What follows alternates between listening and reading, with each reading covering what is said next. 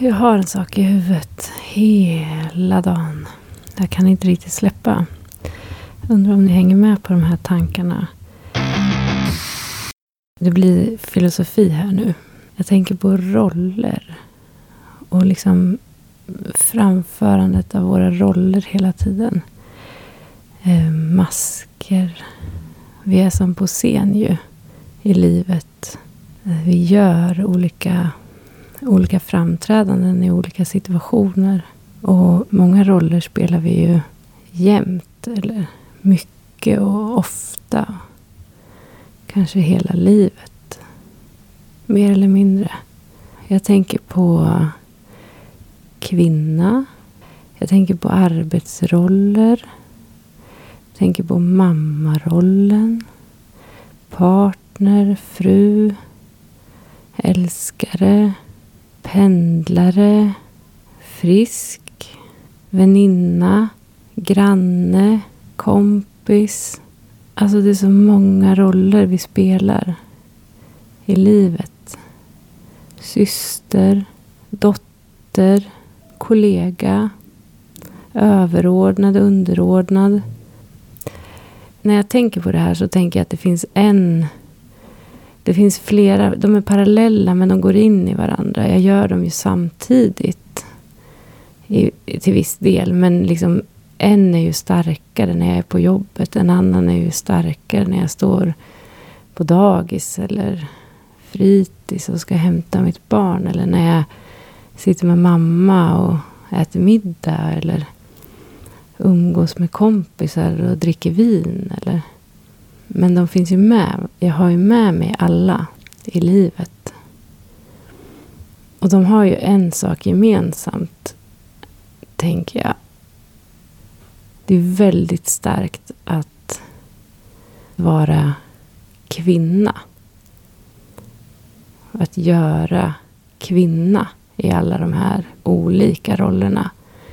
Den, den finns ju med i alla begrepp. Jag säger ju inte göra syskonrollen. Utan jag säger ju syster. Eller dotter. Inte barn. Det är på något sätt förutsättningen. Att jag först och främst spelar en slags roll av kvinna. Alltså, hänger ni med på mitt resonemang? Jag gör en massa roller i livet. Men jag är kanske framförallt bara min kropp. Alltså den är ju där. Och den är med mig i de här olika rollerna. Och så nu är min kropp sjuk. Och jag ska spela rollen som sjuk. Kan det vara så? Reduceras de här andra rollerna då? Alltså kokar, kokar liksom ner till, till något annat. Alltså att sjuk, det blir ju överordnat det andra på något sätt. Fast inte kvinna väl? Men just bröstcancer eller cancer eller det finns säkert fler sjukdomar. Men jag tänker mycket på det här. Jag uppfattar att det är fler än jag som, som tänker på håret till exempel. Det är en sån kvinnosak. Och nu generaliserar jag. Jag fattar att det är såklart laddat för män också. Men, men på något sätt föreställer jag mig att vi är fler kvinnor som tycker att håret är viktigt än vad det finns män som tycker att håret spelar den rollen i deras liv.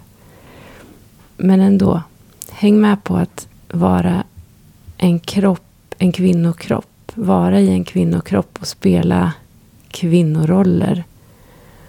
Och så få en sjukdom som gör att du troligtvis kommer bli av med dina bröst. Eller ett bröst. Eller det är ändå en viktig del av en kvinnokropp. Är inte det? Och håret. Så många minuter och timmar som jag har lagt på att fundera och tittat på bilder på andra personer med, med som, som genomgår cellgiftsbehandling och liksom studerat huruvida deras ögonbryn och ögonfransar är kvar. För att kunna, ja, för, för på något sätt upprätthålla någon slags kvinnlighet. Jag tycker det är så spännande att tänka på det här. Också kvinnligt. Är det kvinnligt med rakat huvud? Kan det vara det? Blir tråkigt på något sätt? Hur långt kan, kan vi gå utan att kropparna blir samma kön? Och vilka scener kan jag fortsätta spela rollen, ursprungsrollen eh, och samtidigt ha en bröstcancerdiagnos och gå på cellgifter? Eller är det bara i mitt huvud som det här har tagit över? Jag inser att när jag åker buss eller när jag går och handlar på ICA. Det, det, det är inte så att det syns att jag har en sjukdom. Men jag tänker att jag ändå spelar rollen som sjuk. Och ändå känner jag mig kanske inte frisk men väldigt mycket mer än sjuk.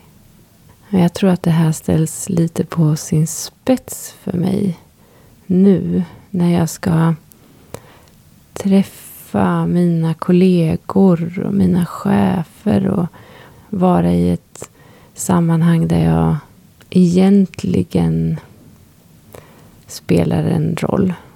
Eller har spelat en roll under flera år.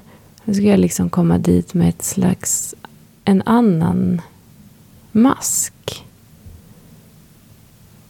Min kropp kommer ju inte se ut riktigt som den gjorde när jag såg de här människorna senast. Ja, ah, det är spännande. Det blir lager på lager på lager av roller. Här har det adderats en sjukdomsroll till min ordinarie